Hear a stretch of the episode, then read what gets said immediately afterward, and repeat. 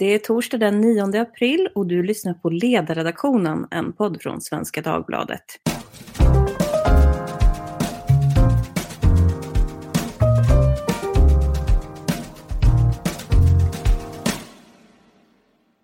Jag heter Lydia Wåhlsten och idag ska vi, påsken till ära, försöka besvara frågan hur det går för Sverige i kampen mot coronaviruset.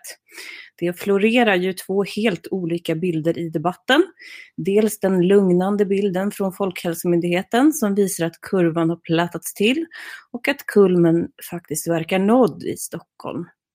Sen har vi de fria debattörer och akademiker som istället pekar på att vi har ett betydligt högre dödstal än våra grannländer och att vi ser ut att följa Italiens kurva. I den senare kategorin har vi också hittat USAs president Donald Trump den här veckan som sa att Sverige lider av sin flockimmunitetsstrategi.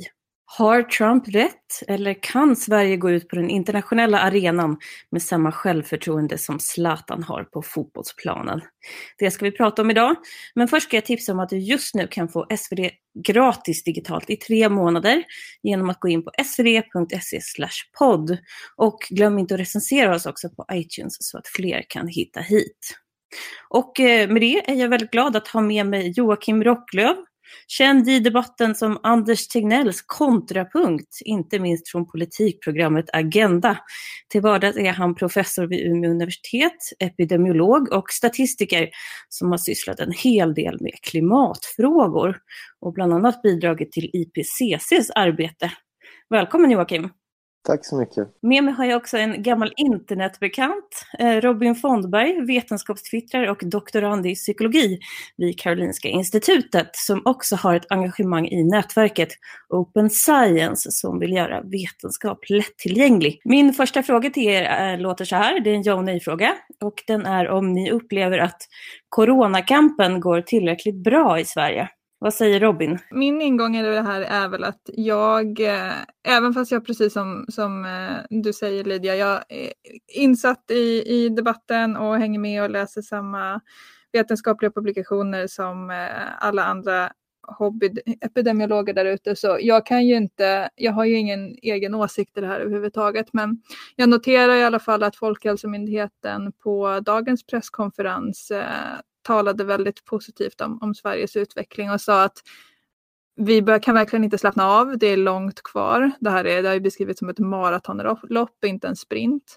Men att, eh, i alla fall i Stockholm, att, att Tegnell sa att eh, vi kanske ligger någonstans uppe på, på kulmen av den här kurvan och att det är den lägre kurvan som vi verkar följa, inte den här som, som skjuter i höjden och som gör att sjukvårdssystemet eh, tappar kontrollen och, och blir överbelastat.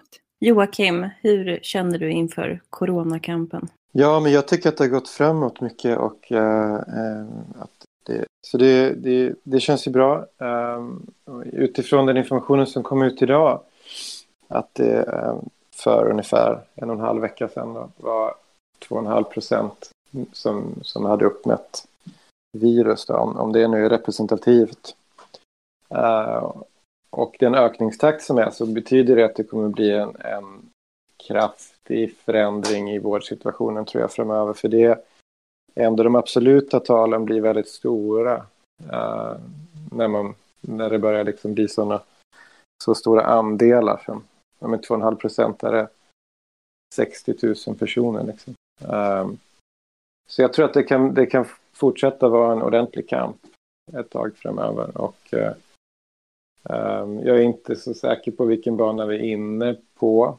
Eh, om vi är på den låga banan. Jag tycker att det återstår att få bli bekräftat. Det är inte så tydligt, tycker jag. Om du måste svara ja eller nej då på om du tycker att kampen går tillräckligt bra.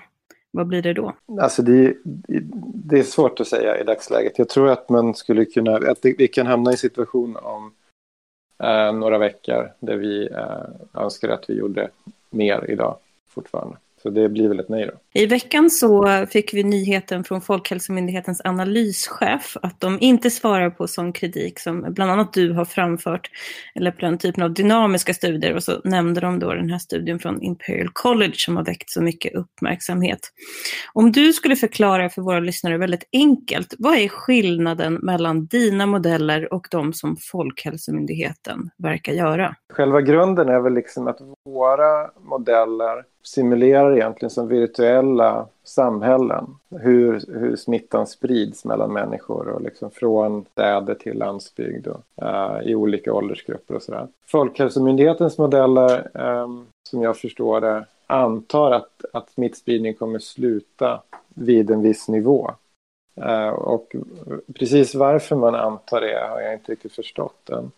Um, det finns andra modeller internationellt som de här International Health uh, Metrics i Washington University som också har ett liknande antagande och där är antagandet då, eller där antar man helt enkelt att den här sociala distanseringen kommer göra att, att smittspridningen kommer sluta vid eh, en, ett antal procent infekterade personer.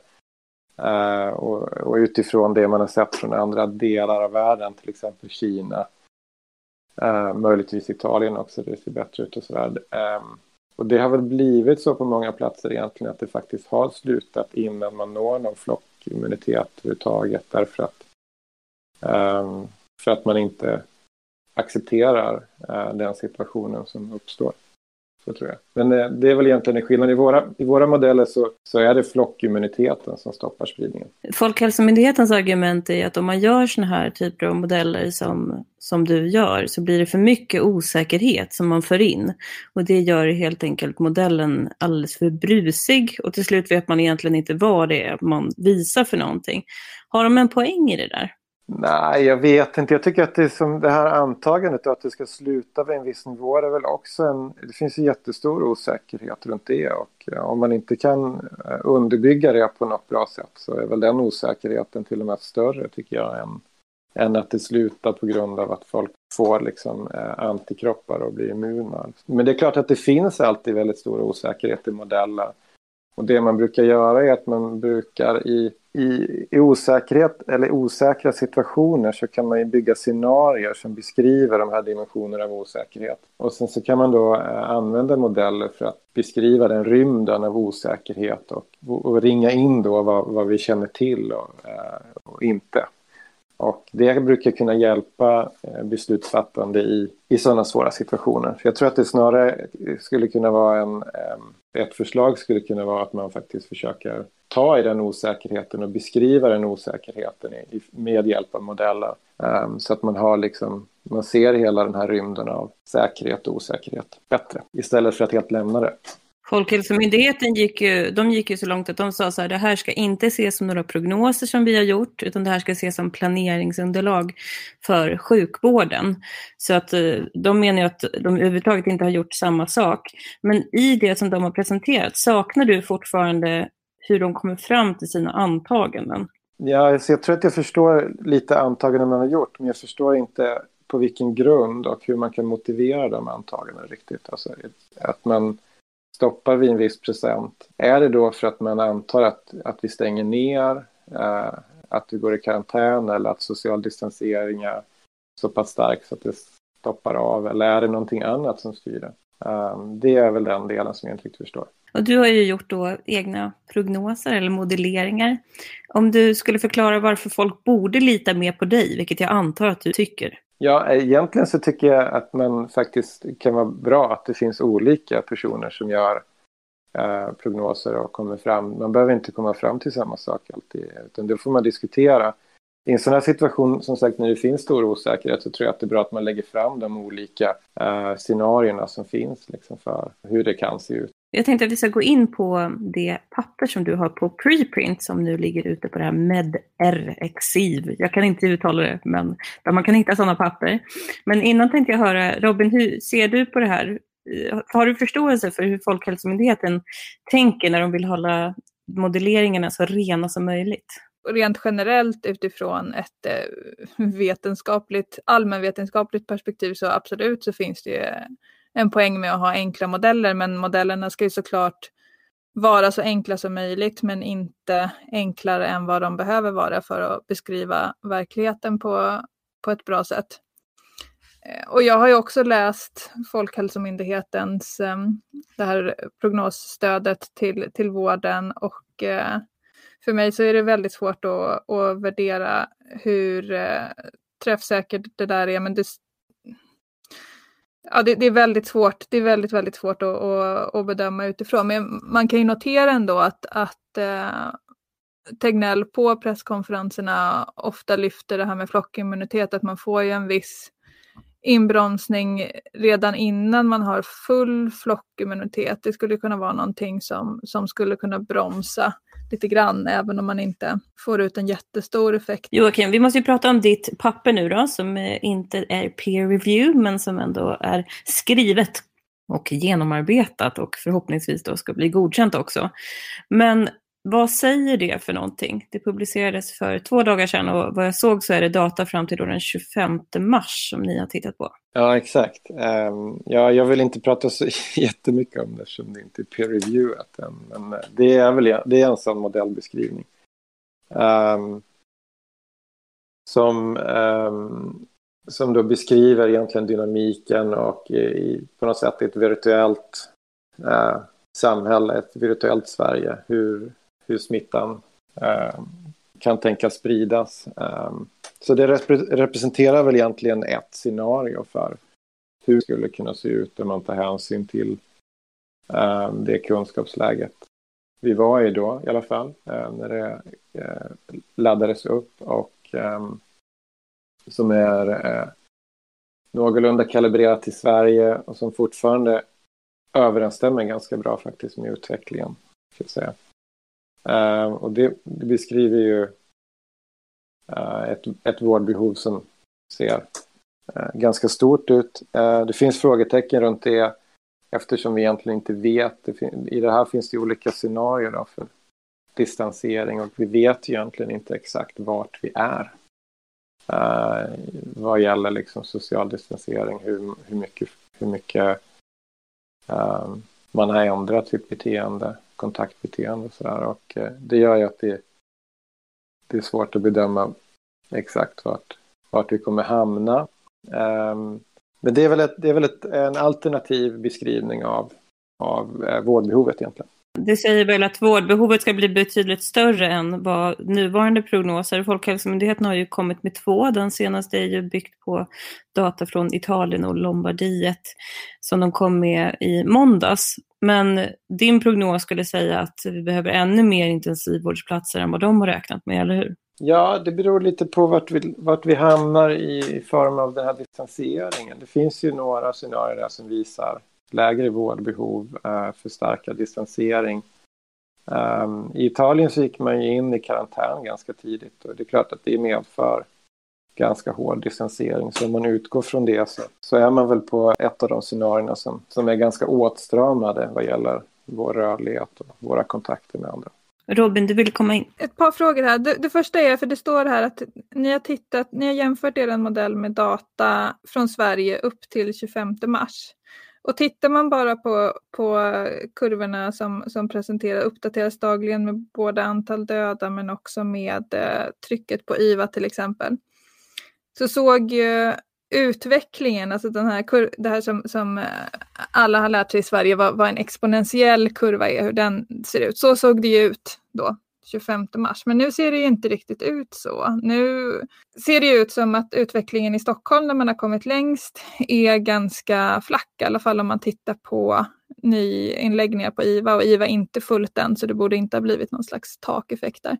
Hur, hur funkar din modell om man tittar på de här, den senaste datan då, som eventuellt inte är exponentiell utan som är mer flack? Ja, alltså vi har tittat på det. Vi tittade på det senast igår och det beskriver fortfarande väldigt bra utvecklingen. Speciellt då de här scenarierna A och B, tror jag vi kallar dem.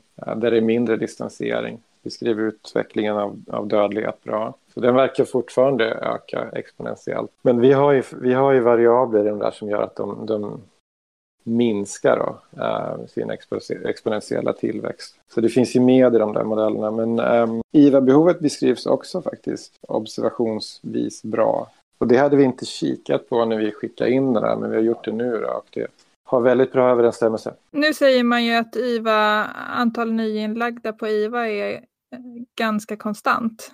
Alltså det är en hyfsat flack kurva nu. Och sen så går det såklart lite upp och ner och det är viss eftersläp med data och sådär. Och i det dagsläget så ligger vi väl en bit under 500. Alltså ditt det här mellanscenariet, det ligger väl på 5 till 9 000 nyinläggningar per dag. Ja, på piken, eller hur? Eller? Ja, precis på piken. Men... Det är inte nu riktigt. Nej, det är inte nu. Eller Tegnell säger väl att i Stockholm kanske det är peak nu. Om det skulle vara peak nu så skulle det då skulle R, ja, då måste R0 gå under 1 egentligen. Ja, precis. Och idag sa han väl att det låg på 1.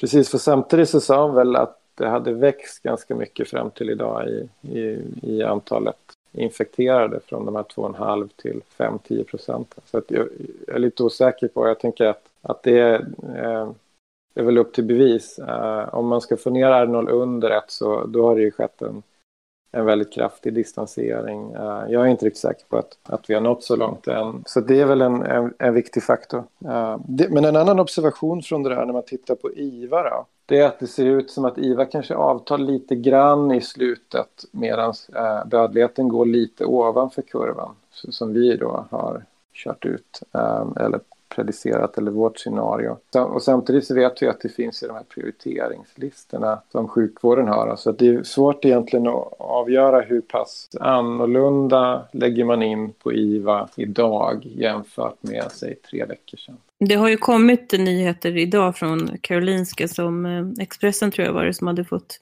tag i det och hur triageringen sker och det var väl att man har redan börjat kapa efter 70 år med riskfaktorer och sådär. Men vilket mått är det då som är mest relevant att titta på om det nu skulle vara så att IVA-inläggningar och dödstal inte riktigt följer varann? Vad är mest relevant av de två? På något sätt så kanske om man fortsätter köra på samma IVA prioriteringsordning framöver, då kommer det ju bli jämförbart igen. Eh, så man kan referera liksom till, till det som händer. Men annars är det väl liksom mortalitet som är stabilast i dagsläget. Det finns väl en risk i och för sig att alla dödsfall inte kommer dyka upp i, som diagnoser till exempel inom hemsjukvård och äldreboende. Det har ju varit så i andra länder att man har sett att det, det inträffar fler dödsfall i liknande kliniska diagnoser samtidigt som covid. Och det här är ju ett problem med den här debatten. Den här senaste, nu senast idag har man ju pratat mycket om Frankrike och att om Frankrike och även Norge, om de hade rapporterat döds eh, som vi gör så hade de landat på högre dödsfall. Och på det sättet så känns det som att alla siffror bara snurrar omkring och till slut betyder ingenting, någonting. Plus att man då lägger på den här eftersläpningen hela tiden. Hur ska man se på det där? Är dödsfallen jämförbara mellan länder, till exempel i Norden då? Alltså jag tror inte att vi kan jämföra, jag tror, både IVA och dödsfall är nog inte helt jämförbara eftersom man har liksom olika praxis i Eh, triagering och prioritering mellan länderna. Och sen så har man ju olika åldersfördelningar och sådär. Så, så det, det, är inte helt jämförbart att kika på generellt sett. Vad gäller dödstal så brukar det ju alltid vara så runt influensa och andra sådana sjukdomar att man har ganska mycket mer uh, dödlighet än det som faktiskt är diagnostiserat. Så det är ju det är liksom vanligt förekommande. Pratade de inte om det idag också? Att, att, eh, för det verkar vara, det verkar vara en, en invändning som har lyfts från, från flera håll, det här med att även dödstalen kanske inte är, är helt stabila indikatorer för hur det går med smittspridningen. Men att, att man också tittar på, Socialstyrelsen har ju tydligen gjort någon preliminär screening och tittat på dödstal nu och jämfört med hur dödstalen brukar se, se ut den här veckan under, under normala år.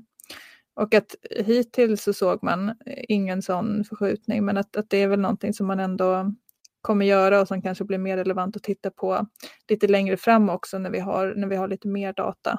När det har gått längre tid. Men som jag tolkar i alla fall Joakim, av alla indikatorer, även om det inte är perfekt, så är det här det mest relevanta att titta på. Ja, och sen kan det ju också vara så att man, alltså nu ökar man ju testningen väldigt mycket. Um, och antalet uh, faktiskt fall kan ju bli en bättre indikator framöver. Uh, det man behöver kika på då är väl kanske antalet positiva eh, test per ehm, eh, antal personer testade eller sådär. Så att man liksom får en indikator för hur, hur bra eh, man, man faktiskt systematiskt man testar. Om vi höjer blicken lite eh, så säger man ju ofta nu framförallt från Folkhälsomyndigheten, att det är först i efterhand, efter många år, kanske fem, sju år, som man kommer kunna utvärdera svensk strategi. Hur ser ni på det utlåtandet? Ska det behöva ta så lång tid innan vi kan säga någonting om, om huruvida det här var framgångsrikt? Ja, alltså jag tycker att det är klokt att man, man faktiskt tar ett längre perspektiv och funderar på långsiktiga effekter. Och det är jätteviktigt. Men sen så kan man ju också bryta ner det kanske i olika delar och titta på och utvärdera ja, men hur, hur eh, hanterade vi den här osäkerheten och risken? Gjorde vi liksom en bra bedömning och äh, agerade vi på ett bra sätt utifrån det? Liksom, eller skulle vi gjort någonting annorlunda?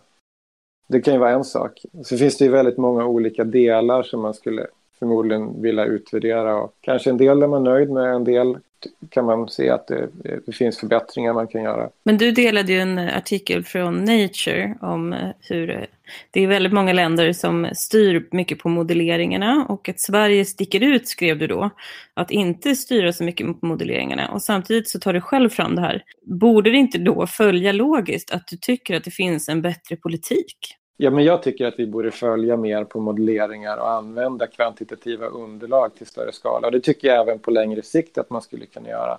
Om man gör en utvärdering um, vilka, vilka effekter det här har på fem års sikt, så man liksom, att man kan kvantifiera det, att det inte liksom blir så fluffigt utan det är väldigt specifikt. Ja, men vi förväntar oss om vi gör så här att det blir så här på fem års sikt. Det kan man ju också använda modeller för. Liksom. Så jag tänker att det behöver inte motsäga varandra. Um, men jag tror att det är ett väldigt bra...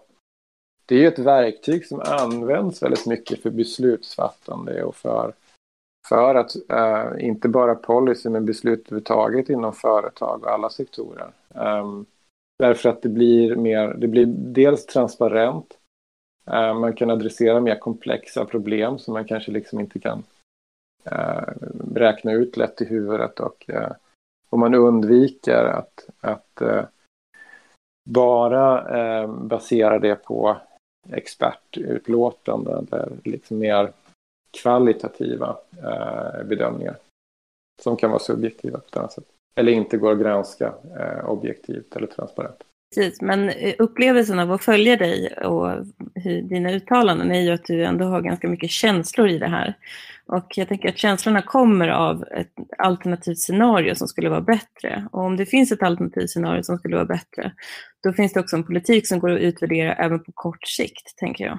Ja, absolut. Och det var väl lite det jag indikerade, att jag tror att det finns delar i det här, även om jag, jag håller med att man, man kan nog behöva utvärdera det om fem år, absolut. Men jag tror att det finns delar i den här riskanalys och osäkerhet. Alltså, eh, hur hanterar vi risk under osäkerhet som, som man skulle kunna utvärdera eh, snabbare och förbättra. Robin, om du skulle sammanfatta svensk strategi mot coronaviruset, hur låter det? Det kan jag nog faktiskt inte ta på mig att göra på ett, eh, på ett bra sätt. Men alltså det, det de lyfter om och om igen, det är det här att vi försöker att platta till kurvan för att undvika överbelastning i sjukvården. I kombination med att skydda riskgrupper då, i princip.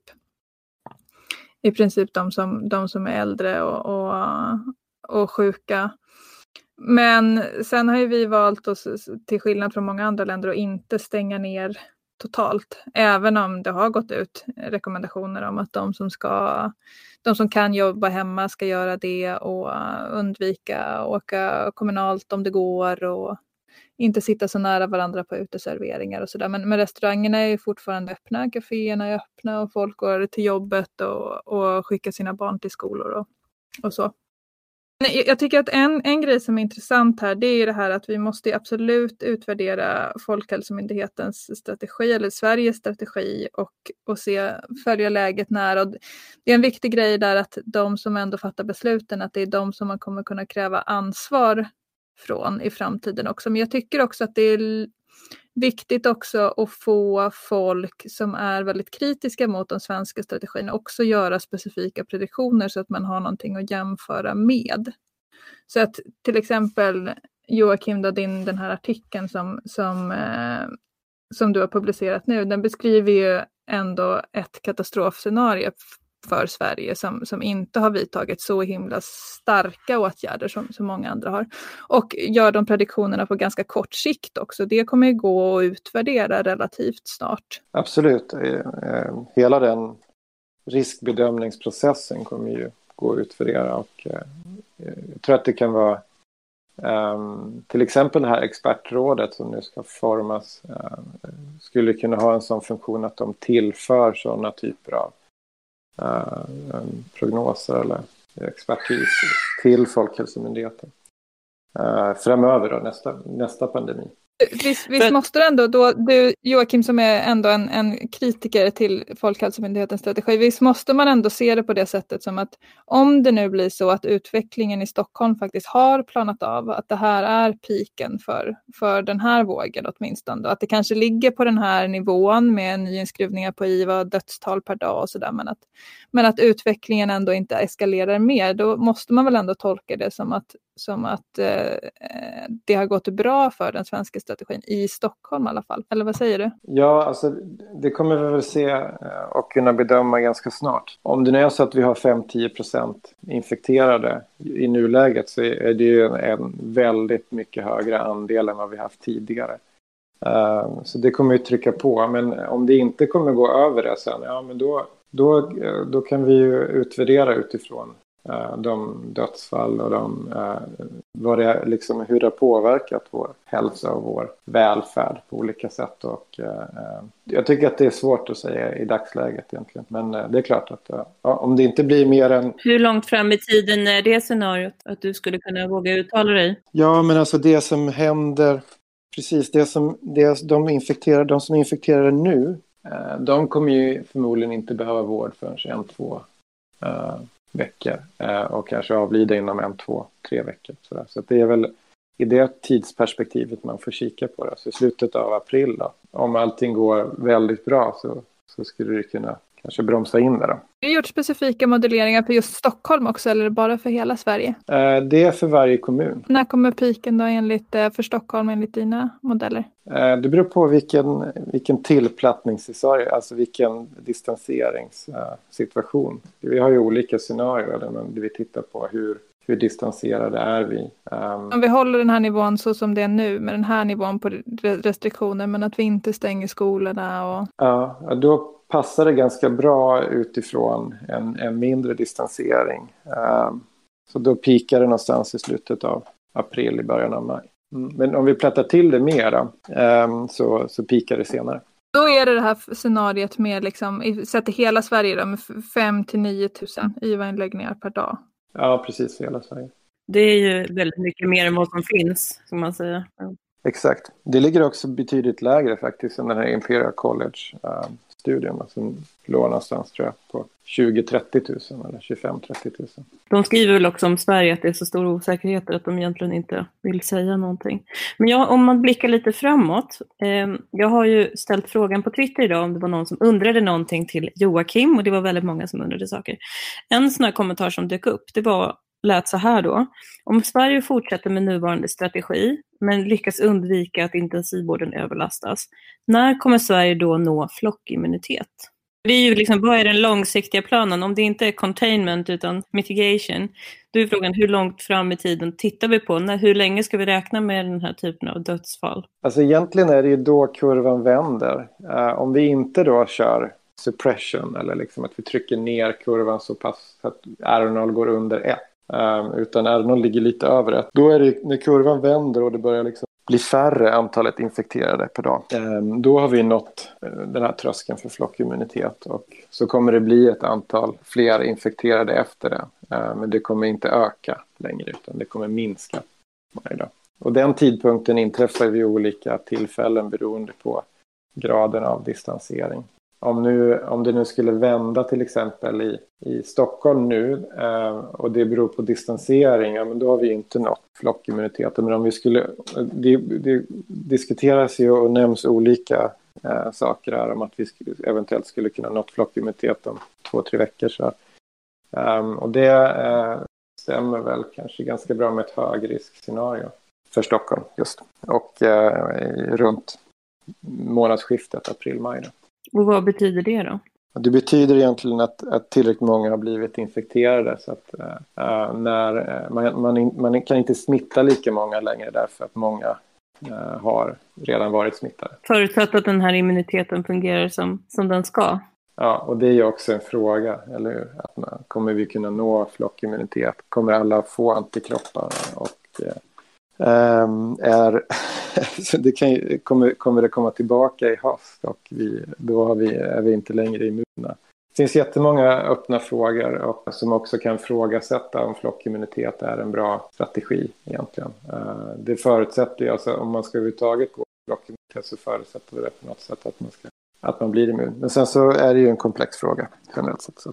Men om vi skulle nå flockimmunitet om två, tre veckor i Stockholm då, vad översätter man det i dödsfall?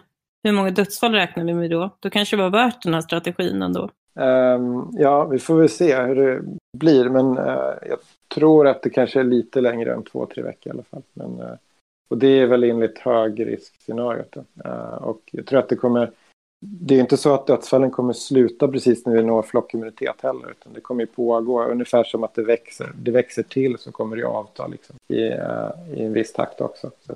Sen såg jag att det var någon som kommenterade att flockimmuniteten uppstår ju liksom lokalt. Så att det spelar kanske inte så stor roll att det blir liksom flockimmunitet just i Stockholm. För sen kommer viruset flytta vidare. Absolut, så är det uh, Jag tror att många andra ställen dock ligger lite bättre till än Stockholm. Därför att man har varit haft lite mer eh, tid på sig att, eh, att förbereda och kontaktspåra och begränsa smittspridningen. Eh, eftersom det, verk, det, det liksom började mest i Stockholmsområdet. Det här med högriskscenariot, rimmar inte det ganska dåligt med hur den flacka utvecklingen ser ut just nu, både om man tittar på IVA och, och dödsfall. Det, det indikerar väl någonting annat än ett högriskscenario, eller har jag fel då? Ja, inte vad jag, inte, vi har ju kikat på det här som sagt. Vi tittade på det senast igår, och, eh, eller eller förrgår var det rättare sagt. Och eh, ja, men då, det är klart att det är svårt att säga exakt vart vi ligger, men, men möjligtvis inte kanske på högsta, men på näst högsta och sånt där enligt den. Men det finns, det finns osäkerheter och det är ingen prediktion som sagt, det är ett scenario liksom. Uh, uh, och, uh, men det, det är överraskande för illa på något sätt med den utveckling vi ser idag. Så det är inte så att det liksom avtar på, på något konstigt sätt från, från de scenarierna som, som har tagits fram där. Jag menar om, om det blir då det här högre riskscenariot, vi kommer väl inte fortsätta ligga på en 40-50 IVA-inläggningar per dag i Stockholm. Det, det, måste väl öka ganska rejält. Absolut, men det beror ju också på hur lik vilka de IVA-inläggningarna är um, över tid nu då, om det liksom om det av, om, om trenden har ändrats på grund av att man har ändrat uh, prioriteringen och så här så om, då ser vi väl det ganska snart. Uh, om det om, om när man tittar på dödsfallen då? Precis, och de har väl inte avtagit direkt på något sätt. Det avtaget, men ligger de inte ganska konstant? Det tror jag att Tegnell sa idag på, på presskonferensen. Det ligger kring lite under 60. Det var det 100 om dagen de senaste dagarna här. Ja, jag tycker inte att det finns jättestarka indikationer och jag ser i alla fall inget trendbrott direkt från uh, de scenarierna än. Uh, det vore jättebra om det, om det blir det. Och jag tror att nästa vecka kan bli ganska visande på vart vi är på väg, om, om nu är några nere eller inte och uh, hur, hur det här kommer fortsätta. Hur kommer vi se om R0-värdet ligger över ett? Är det antalet som man diagnostiserar eller? Nej, det, går inte, det är inte så lätt. Att, man får ju räkna ut det. Liksom. Så det är kanske lättare egentligen att titta på dubbleringstakten. Så. Okej, jag har i alla fall fått in mycket frågor så vi måste försöka jäkta vidare så att vi inte sitter här hela kvällen eftersom att det börjar vankas helg också. Och eh, då har jag också fått en fråga från Stefan Schubert, det var samma person som ställde förra frågan, och då han undrar vad dödstalet är. Så frågan är, är det 0,9 eller vad är det för någonting? Hur många är det som dör som blir smittade av corona? Jag tror att den ligger någonstans eh, mellan, eh, mellan 0,5 och eh, kanske 0,7 eller något sånt där. Um, eventuellt 0,8 men jag är lite osäker. Det är svårt faktiskt. 0, men någonstans liksom mellan uh, en halv till uh, nästan en procent skulle det kunna ligga i. Och sen har jag frågor från Thomas Nordvall. Han säger så här om dig då, Joakim. Han har varit mycket kritisk, men vad jag vet har han inte nämnt några konkreta förslag på vad som borde gjorts annorlunda. Vad exakt borde Folkhälsomyndigheten ha gjort och vid vilken tidpunkt? Ja, alltså jag tänker att eh, det är inte min uppgift egentligen att rekommendera åtgärder. Det blir det är politiker eh, som får liksom implementera olika åtgärder. Um, men eh, det som jag tycker att man kanske har gjort i, är att man, hade, man skulle kanske från början ha um, tagit in fler osäkerheter eh, i riskanalysen. Liksom. Eh, göra mer riskanalyser under osäkerhet. Nu är, det finns de här osäkerheterna. Eh, men om vi, om vi tar hänsyn till dem, vart hamnar vi då i riskvärderingen och hur ska vi agera utifrån den? riskvärderingen. Det är mer där jag har eh, olika eh, förslag och eh, utsagor. Men helt enkelt att vi borde i alla fall haft en striktare politik, så har jag tolkat det i alla fall. Ja, precis runt distansering. Men, eh, men sen är det ju liksom, när man, om man ska införa åtgärder i samhället så måste man ju ta flera hänsyn till det. Och eh, jag tror att politer, politikerna kanske är ändå i slutändan de som är bäst på det. Därför att de har eh, olika sektorerna som de kan eh, få input från och eh, göra eh, bedömningar utifrån flera olika Eh, uppgifter. Och vi vet ju inte exakt hur det här samspelet har sett ut mellan regeringen och myndigheten. Men eh, utåt sett så ser det ut som att man har gått väldigt mycket på vad myndigheten har sagt. Så att, eh, frågan är om det har varit så mycket politiska bedömningar i det här än så länge. Snarare verkar det vara tvärtom och att regeringen nu börjar efterfråga ny lagstiftning och sådär för att kunna stänga ner köpcentrum och annat, kunna vidta hårdare åtgärder. Så det är ju intressant. En annan fråga är, hur många kommer dö? Undrar Gaston. Hur många kommer dö av covid-19 i Sverige? Det är väldigt svårt att säga i dagsläget. Ehm, jag, jag, tror att jag lämnar det obesvarat. Vi har ju tagit fram de här scenarierna och de beskriver ju ehm, potentiella utvecklingar utifrån den modellen. Ehm, men sen så beror det ju på vad som händer i Sverige och vad som görs. Och där vet vi faktiskt inte. Så jag tror att vi ska inte ta ut någonting i förväg utan finns ju gott om utrymme att agera på olika sätt. Och... Finns det något sätt att räkna baklänges utifrån Folkhälsomyndighetens antagande på vad de verkar räkna med att det kommer bli för dödstal? Om man skulle se till exempel relationen IVA-platser och, och död. Ja, fast jag har inte gjort det så jag vet faktiskt inte exakt vart man hamnar. Utifrån deras siffror. Men um, om man tänker sig att det är, jag tror att det, i alla fall i den tidigare analysen var det 1% klinisk attack rate. Och uh, utifrån Kina då, och Kina då skattar ungefär en, två, är det 3% i eh, dödsrisk för sina fall. Så kan man väl göra en, en skattning där som, som indikerar vart man hamnar. Så någon som lyssnar på det här får gärna göra en sån eftersom att det här är tiden då alla får göra egna prognoser så kan ni gärna twittra den till mig eh, sen. Vi ska se om vi hade några fler frågor. Eh, ja, Folkhälsomyndigheten säger i sin senaste rapport att de antar en clinical attack rate på 1% baserad på Lombardiet. Vad tycker du om antagandet? Ja, alltså det antar ju då, då att man stänger ner precis som i Lombardiet. Så tänker jag. Du kanske ska beskriva vad clinical attack rate är för någonting också? Det är antalet fall som, som man får som kommer upp i, i, i, sjuk, i register liksom, och som blir eh, upptäckta fall egentligen, kliniska fall. Men eh, sen kan det ju vara mer smittspridning som är till exempel här asymptomatisk eller eh, underrapportering vilket är, liksom, sker på nästan alla ställen. Eh, beroende på hur mycket man testar och sådär. Och även folk som är sjuka men de söker inte vård till exempel, vilket ju det kanske finns en hel del nu då. Ja, exakt, som inte kommer med där. Men sen så finns det också den här delen liksom, som är intressant i det med 1 procent. Det är ju det är långt ifrån en flockimmunitet 1 procent. Så varför stannar det upp då? Ja, men det måste det ju vara en social distansering. Eh, om det inte är så att det är liksom underrapporteringen eh, eller de här kliniska fallen bara, bara 1 till 60 eller 1 till 70 faktiska fall. eh, vilket det inte ser ut som i Italien eller Kina utan det ser snarare ut som att det är åtgärderna, distanseringen och karantänen som har gjort att det har stoppat. Jag tänkte att vi ska byta spår lite grann och prata lite mer meta.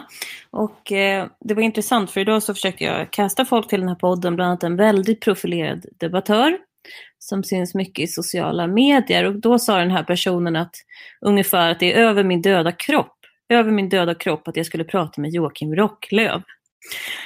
Och det här var intressant, att det väckte så stora känslor, även hos en person som annars är eh, fullständigt stabil. Så jag undrar Joakim, varför eh, är folk så upprörda på dig? Jag vet faktiskt inte riktigt. Ehm, jag tänker att det är, det är trist att det är så. Eh, att det är bra om man kan diskutera och att det är högt i tak i diskussionerna. Och man kan liksom ta framåt. Men jag vet faktiskt inte riktigt. Jag vet inte vem det var du syftade på heller. Nej, det är poängen att det ska vara anonymt. Robin, min generella fråga till dig, du är ju ute mycket i sociala medier och sådär. Hur tycker du att den här debatten har varit än så länge? Alltså, tonläget är jättehögt på Twitter, men jag noterar också att, att det inte verkar vara representativt för hur det är i befolkningen. Alltså är man bara på Twitter så kan man ju få för sig att, att liksom förtroendet för Folkhälsomyndigheten är verkligen kört i botten. Men så verkar det ju verkligen inte vara. Nu kom ju den här MSB-undersökningen här i, i, dagarna som visade att de allra flesta har ju fortfarande högt, eller fortfarande, de allra flesta har högt eller mycket högt förtroende för Folkhälsomyndighetens eh, strategi. Så att det som låter mest är väl kanske inte det som bäst representerar hur, hur det låter hemma i, i stugorna och hur folk tycker egentligen. Jag tycker att det har blivit väldigt mycket av ett något slags fotbollslagstänkande. Och en sak är att det kommer liksom bland oss ledarskribenter eller människor som jobbar med opinion på olika sätt.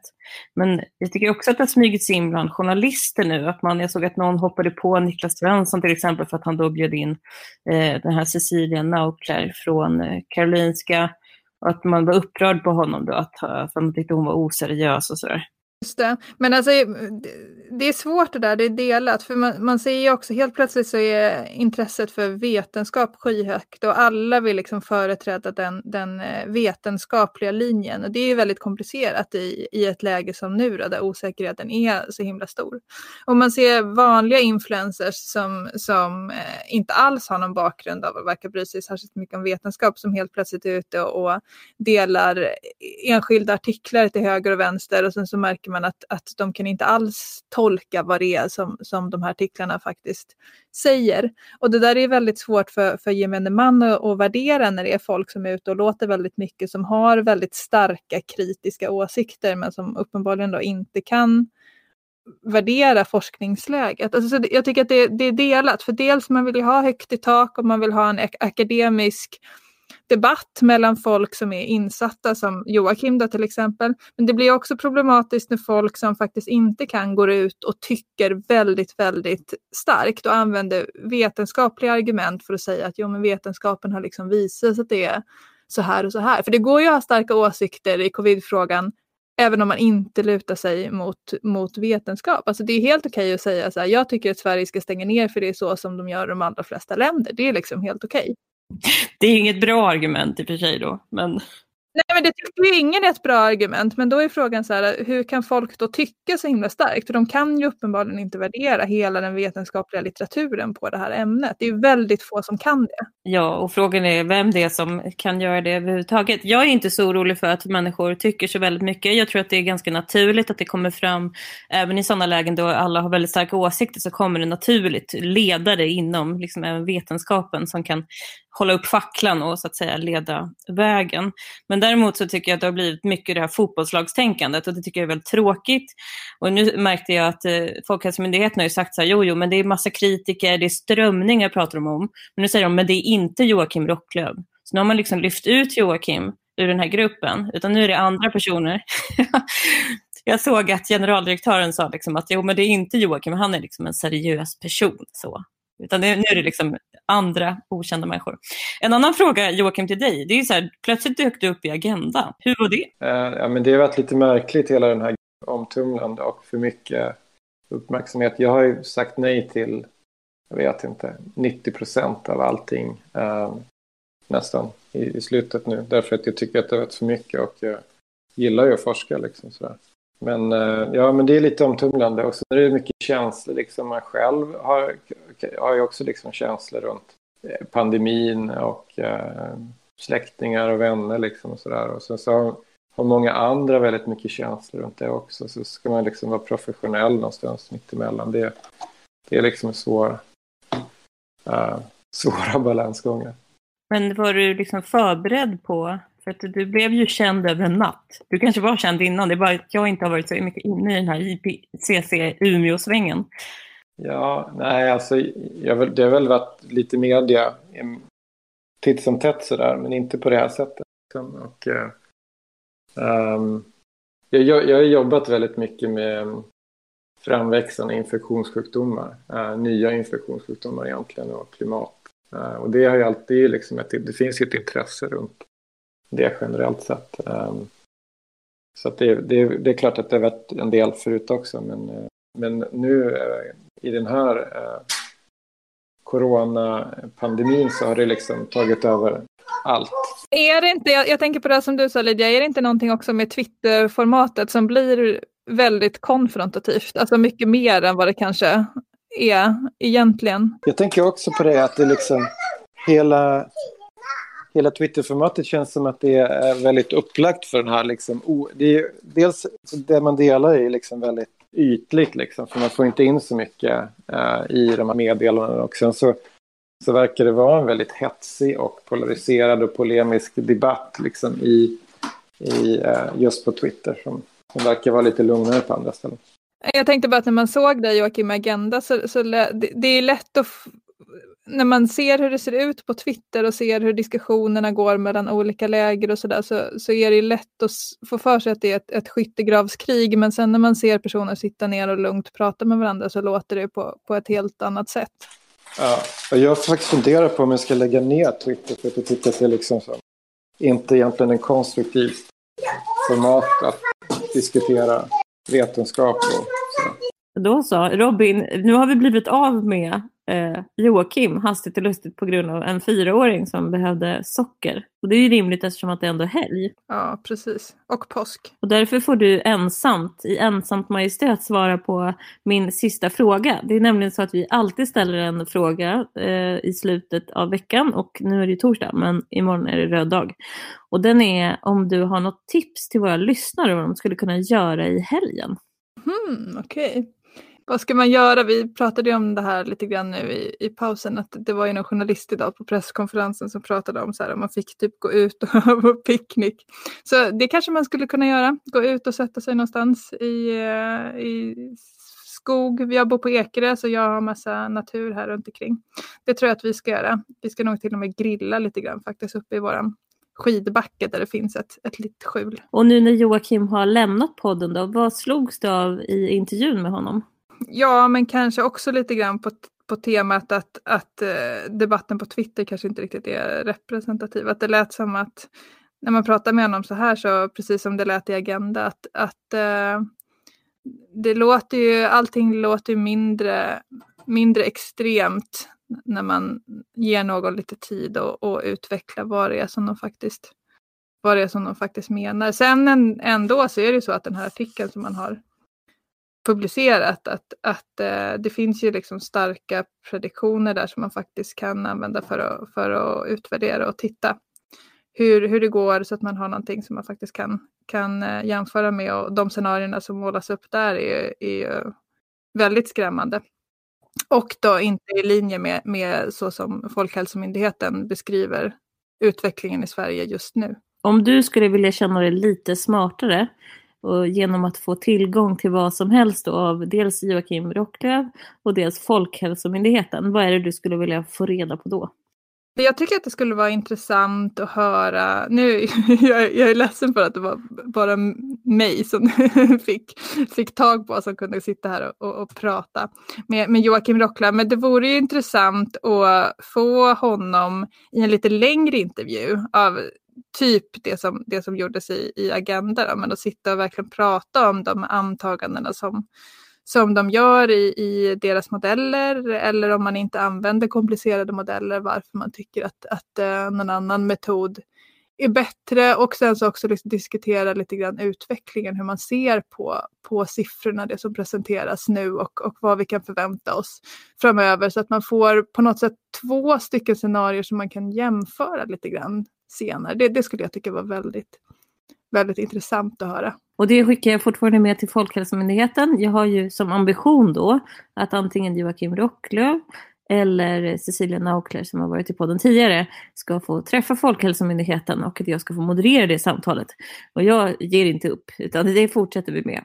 Så när det lugnar ner sig, om de har plattat ut kurvan nu, då kanske man även kan växla upp på podddeltagande fronten. Så det hoppas jag i alla fall. Och med det så får jag säga eh, tack till dig, Robin Fondberg från Karolinska Institutet och i sin strålande frånvaro då Joakim Rocklöv som är vid Umeå universitet.